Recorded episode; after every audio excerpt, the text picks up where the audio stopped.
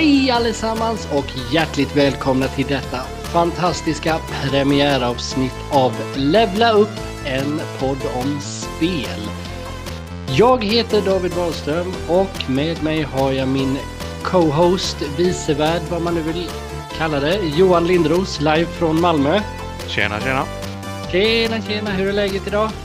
Det är, väl ganska bra tycker jag. Ja. Det är väl lite uh, höstruskigt, men det, det hör väl till. Det är ju ändå november så att säga. Jag sitter här i vardagsrummet och stirrar ut på regnet som sakta faller ner över det småländska höglandet. Väldigt målande och fin bild där kände jag. Vi, vi kör igång en konstnärlig stil redan från början.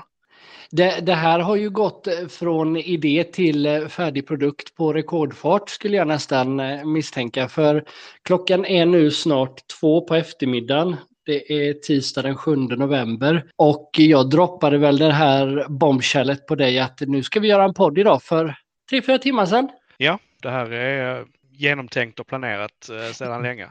Det här höll ju på att bli ett stående skämt egentligen, för vi har pratat rätt länge om att vi ska göra en podd. Lite hö hö.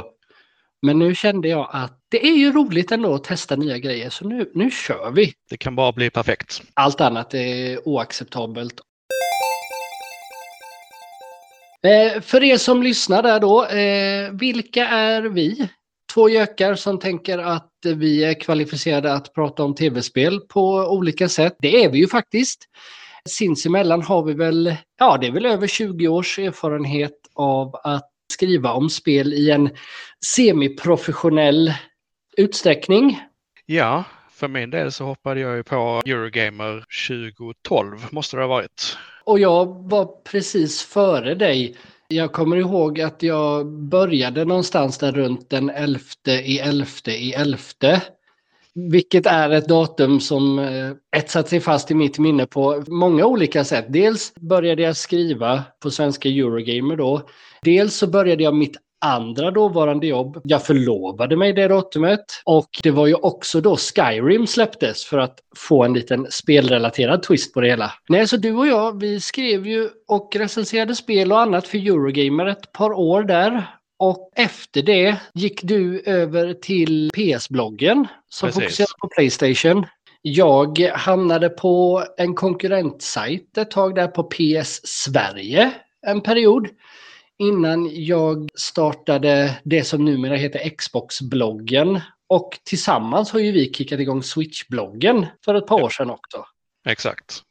Så vi har ju hängt ihop ett rätt bra tag där och vi har ju säkert träffats IRL, vad är det, två eller tre gånger.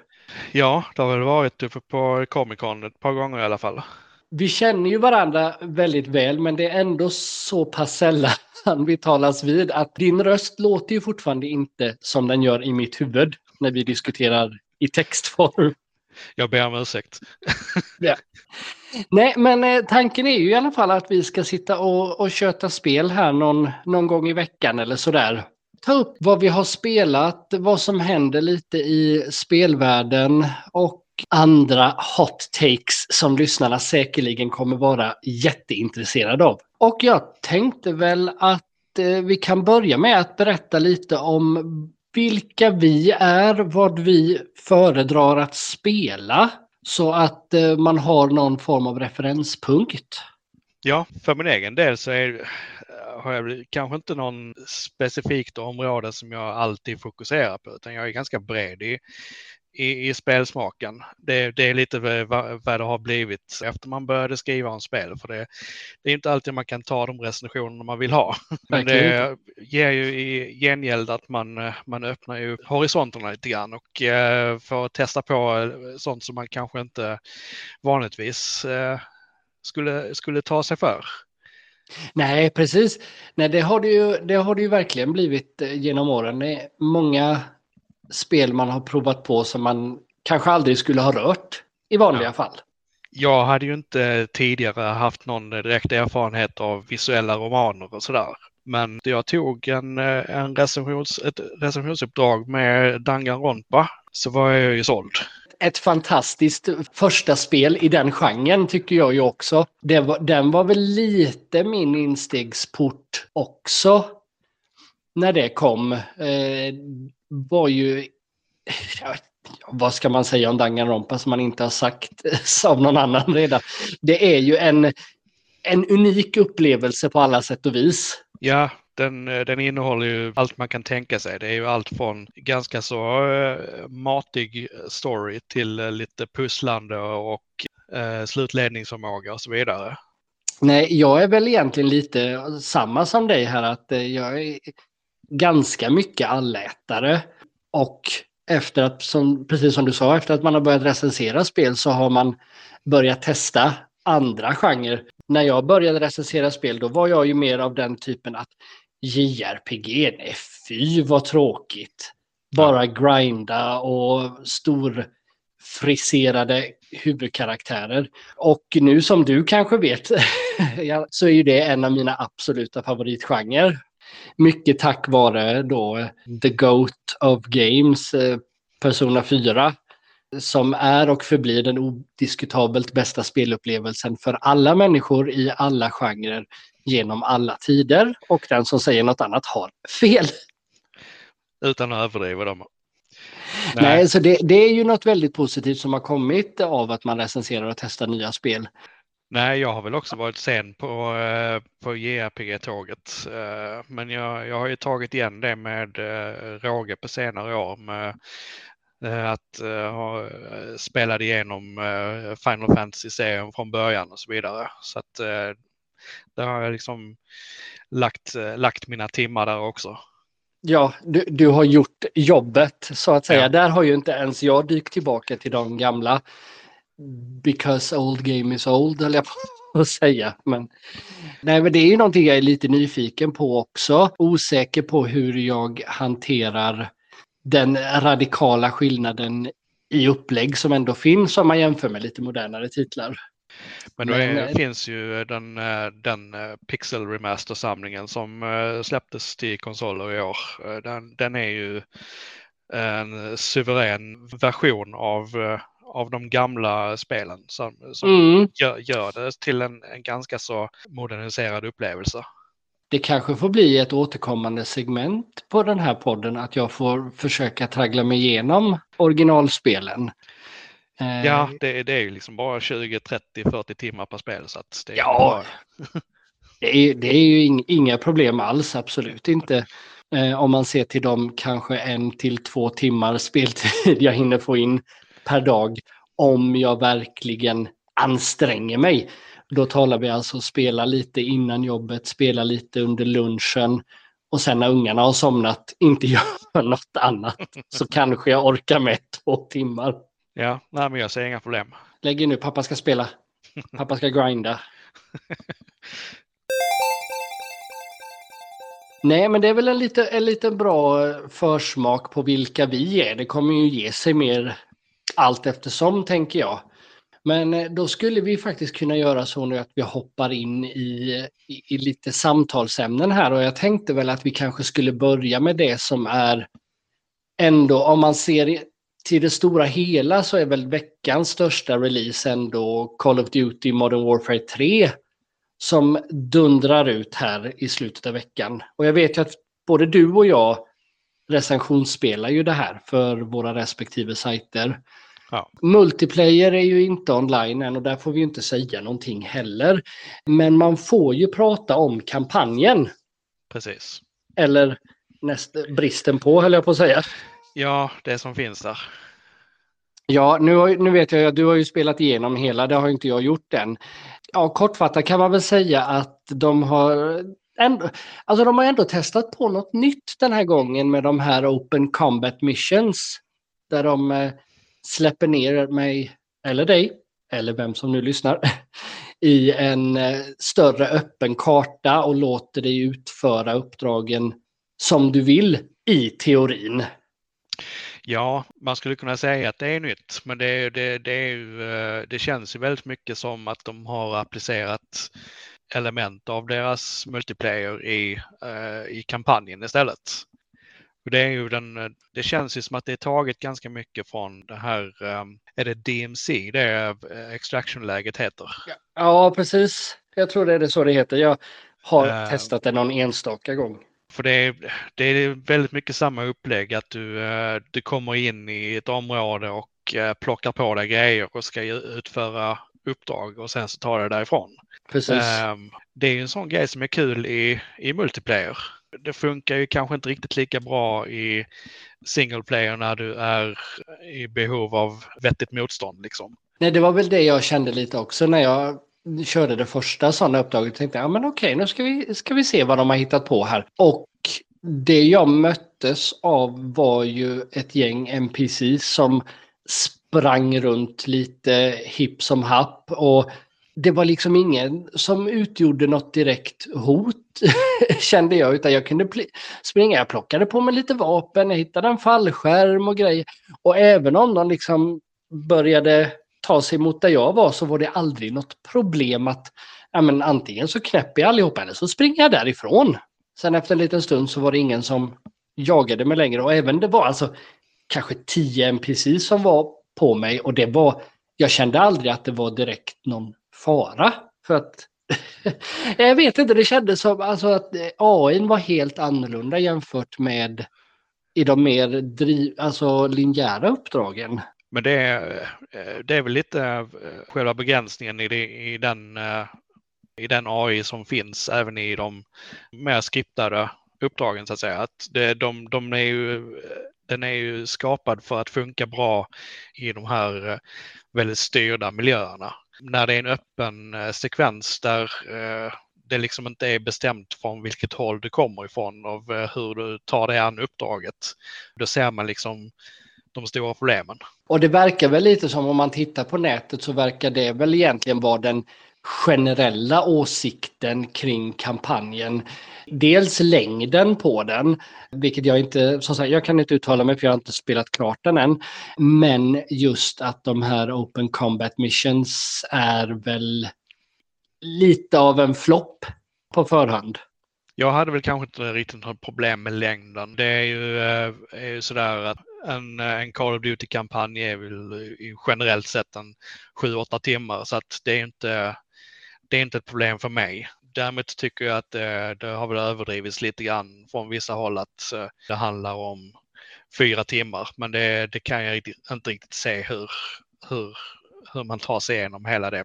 Men eh, å andra sidan, internet har utvecklats och Eh, alla har ju plötsligt inte bara en möjlighet utan en skyldighet att gnälla på allting som inte stämmer överens med deras världsbild.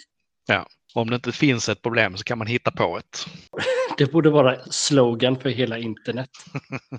Nej, så, så, vi, vi kan väl eh, utan att då ha testat multiplayer, vilket aldrig för mig har varit säljpunkten för ett Call of Duty ändå, så kan vi väl säga att vi är lite ljumna på Modern Warfare 3 än så länge i alla fall. Ja, alltså eh, eh, jag känner att de här Open Combat-uppdragen, de är ju eh, man, blir, man blir lurad lite grann på det som gör kampanjerna så bra annars. Det är ju de stora skriptade spektaklen liksom. Ja, alltså man, man vill ju ha lite Michael Bay när man spelar ett Call of Duty ändå. Ja. Tycker jag ju. Och då plockar de bort det så finns det inte sådär jättemycket kvar som tilltalar mig.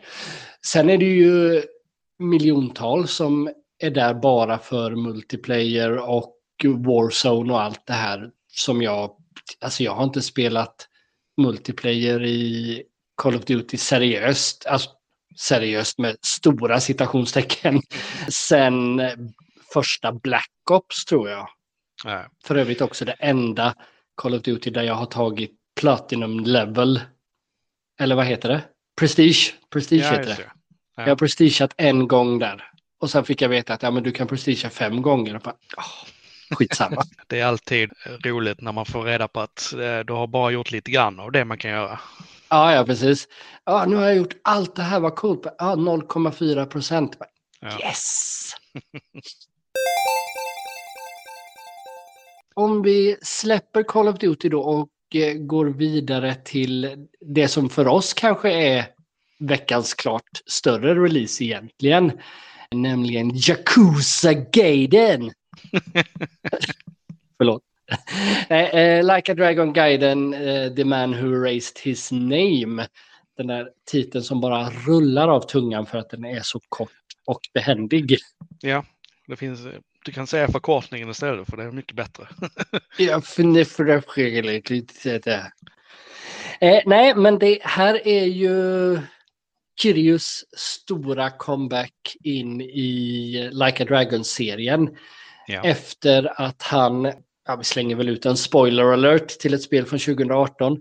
Men i slutet på Yakuza 6, Song of Life, där han fejkade sin död. För att eh, Haruka och eh, hennes familj skulle kunna leva ett tryggt liv utan att hans fiender skulle försöka komma åt honom genom dem. Han dyker ju upp också i eh, ja, det som vi väl ändå får säga fortfarande heter Yakuza Like a Dragon, alltså sjuan. Ja. Och nu får man då veta vad som hände före det spelet, under det spelet och även efter det spelet i uppbyggnad fram till nästa huvuddel. Infinite Wealth. Nu. Ja, det är mycket pusslande. Jag kände att jag slog knut på mig själv. Det, vi säger så här bara, det är ett sidospår som berättar vad som hände med Kirjo efter sexan. Punkt. Ja. Ja. Och eh, vi har båda spelat det här. Du har spelat mer än vad jag har än så länge. Men är det inte rätt skönt att Kirjo är tillbaka? är min första tanke. Jo, det är det ju definitivt. Alltså eh, det är ju eh, all ära till uh, Ichiban Kasuga i, i Like a Dragon, men det är något visst med Kiryu och all den tid man har tillbringat med honom under, under seriens gång. Ja, precis. Ja, men det är lite det. Det var det jag tänkte också. Att Ichiban är ju också en, en väldigt bra karaktär. Men han har ju bara än så länge ett spel i bagaget. Mm. Men medan Kiryu har man följt genom hela hans liv i princip om man har kört igenom serien. Ja. Och det är någonting med hans, bara när hans röst dyker upp som gör att jag liksom sitter och flinar lite för ja. mig själv. För man vet att nu, nu kommer någon få på käften snart. Ja, för det är liksom ingen som lär sig att uh, det inte är lönt att uh, försöka utmana honom. Liksom. Nej, nej, precis. Alla är fortfarande bara, ah, men nu är du gammal gubbe. Och jag, jag försökte räkna i mitt huvud. Jag tror att han borde väl närma sig 60 i alla fall. För någon gång på 80-talet var han ju ändå 20 redan. Ja. Så där, där omkring. Men han bevisar ju redan från start i guiden att eh, han spöar skiten ur alla i alla fall. Verkligen. Och eh, ja, men recensionsembargo har ju lyft så vi kan ju prata fritt om det hur, hur mycket vi vill egentligen. Ja, Mm. Jag har väl egentligen bara tagit mig två kapitel in så att i sedvanlig stil så är ju eh, Eh, upplägget eh, relativt långsamt för att eh, etablera stämning och sådär ju. Men det har väl börjat ta fart lite grann för att det har börjat öppna upp själva konflikten i huvudberättelsen så att säga. Jag, jag har inte kommit riktigt så långt än. Utan jag, alltså de, den huvudsakliga storyn börjar väl precis visa sig nu ungefär så långt in som jag har kommit. Men det, jag är ju ändå, jag är ju på tåget liksom, ja. första klass. Det var ju ganska omedelbart. För det är ju det där med att uh, han fejkade sin död, det fick han ju assistans med från en, eh, en grupp människor då som uh, i princip har honom under sin tumme nu. De vill då inte att han ska avslöja att han fortfarande är vid liv. Så eh, under den tiden som de håller honom hemlig där så får han ju utföra ströjobb som eh, livvakt och, och dylikt. Nej, det är, det är väldigt lovande det jag har hunnit spela än så länge. Det blir lite kontrast eftersom jag nu spelar det här samtidigt som jag försöker få färdigt eh, Like a Dragon, alltså Ichibans första spel nu också. Eh, så jag hoppar liksom emellan de här lite, lite grann. Och samtidigt så ser jag bara fram emot liksom nästa del också. Så jag, även att jag inte är färdig med dem jag har i knät så vill jag liksom bara ha mer i alla fall. Det... det... med tanke på det tempot som de släpper sina spel så kommer vi att äta gott i många år. Oh ja, oh ja, absolut. Absolut. Ja, för de Eh, har ju och- haft sina sidospår också som eh, inte har börjat komma hit förrän på senare år, liksom som, eh, som Ishin. Ja, det, det fanns ju de här PSP-spelen de släppte också. Och Dead Souls hette det va? Det kom väl hit också vill jag minnas. För det har jag spelat i alla fall. Ja, precis. Deras- Det var ju PS3-spel. Ja, just det. Zombie-spinoffen. Ja. Och sen är det ju... Är det Kensan Ja, som är den andra spinoffen i forntida Japan så att säga. Vi kan ju Ja. bara hoppas att de får för sig att släppa det också. Jo, men jag tror väl det är en tidsfråga. För så vitt jag förstod så blev ju Ishin ganska så väl mottaget. Med all rätt, skulle jag vilja påstå. Också ett sådant spel som jag eh, hoppar tillbaka till och liksom eh, försöker jonglera med alla andra spel man eh, måste spela. Ja, det finns ju eh, ingen brist på, eh, på sidoaktiviteter i de här eh, spelen som eh, lätt får en att komma in på andra spår. Jag håller ju fortfarande på att jobba mig igenom originalspelen också. Det har vi ju konstaterat eh, sinsemellan eh, många gånger att eh, Steam-reor är väldigt farliga. Eftersom jag var dum nog att skaffa mig en Steam Deck tidigare i år så är det jättefarligt plötsligt.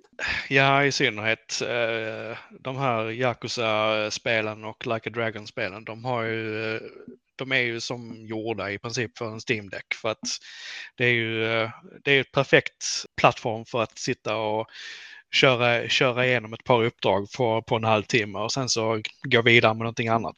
Eh, Så det är det jag har spenderat mina kvällar med de, de senaste veckorna. Och samtidigt så liksom, om man ska gå över lite på vad, vad vi spelar annars. Jag har ju Spider-Man 2 i min PS5 som ligger och väntar på mig och liksom Hallå, ska du inte komma tillbaka här? Svinga lite? Här finns en Det är kul. rädda. Vi väntar här. Det säger ju någonting ändå om kanske framförallt det här spelåret. När jag har ett spel som Spider-Man 2 som jag älskar, älskar och som jag känner att "Nej, jag har inte tid just nu.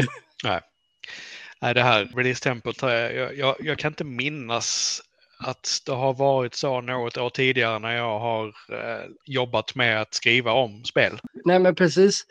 Utöver det, då har vi liksom Super Mario Wonder som kom samma dag som Spider-Man också. Ja. Som jag får spela här. Där är jag ibland tvungen att ta mig tid för att ungarna vill spela Elefant Mario.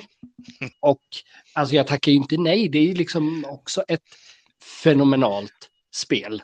Men det är också ett spel som gör sig ganska så bra i korta doser. Liksom. Eh, Kör igenom ett par nivåer eh, ganska fort.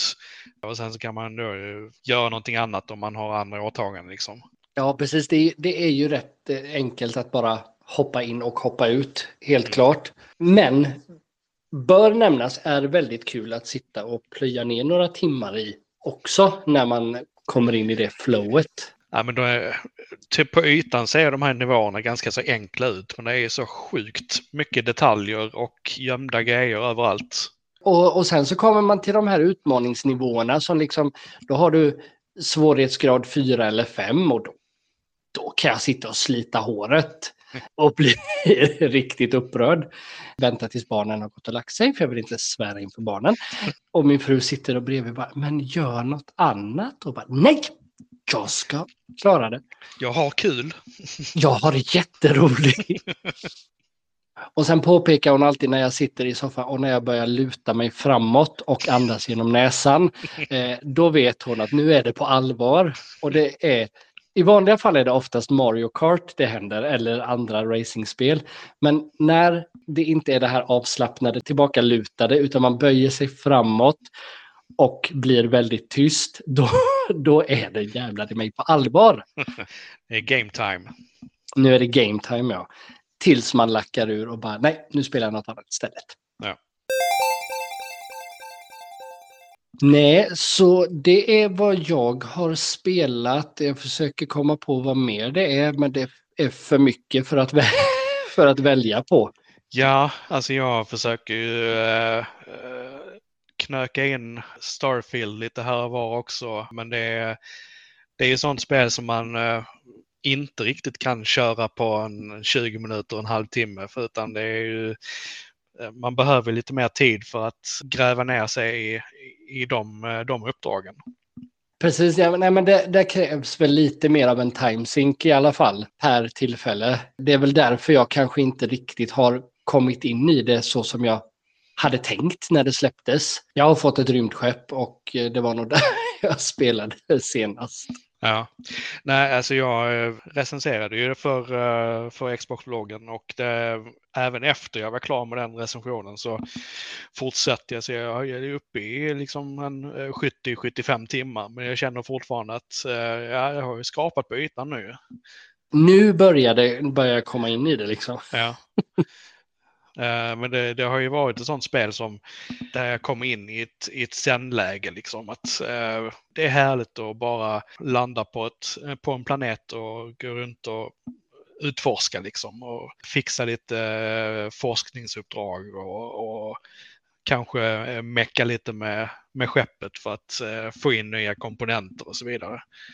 Nej, det, som sagt, det, det, krävs nog lite mer av lite mer dedication än vad jag är villig att ge det just nu. Inte för att jag inte förtjänar det, men eh, jag har bara för mycket annat.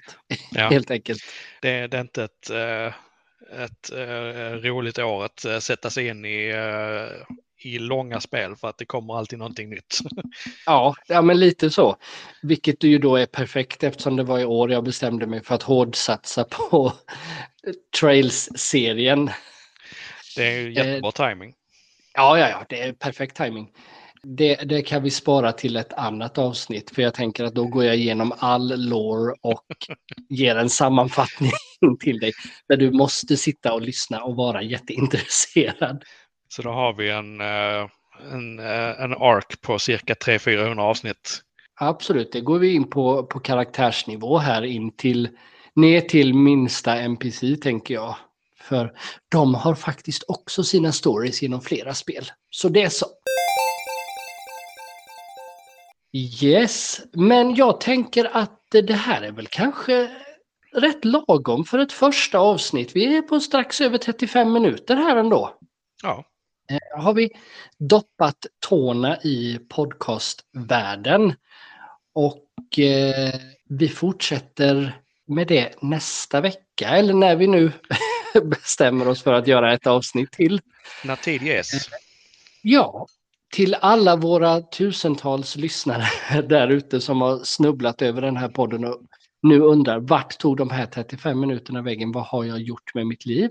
Ni får jättegärna lyssna på nästa avsnitt också. Och eh, ja, det får väl vara punkten för det här avsnittet, tänker jag. Ja, det tycker jag. På återhörande från oss på Levla upp, en podd om tv-spel. Vi hörs nästa gång. Hej då!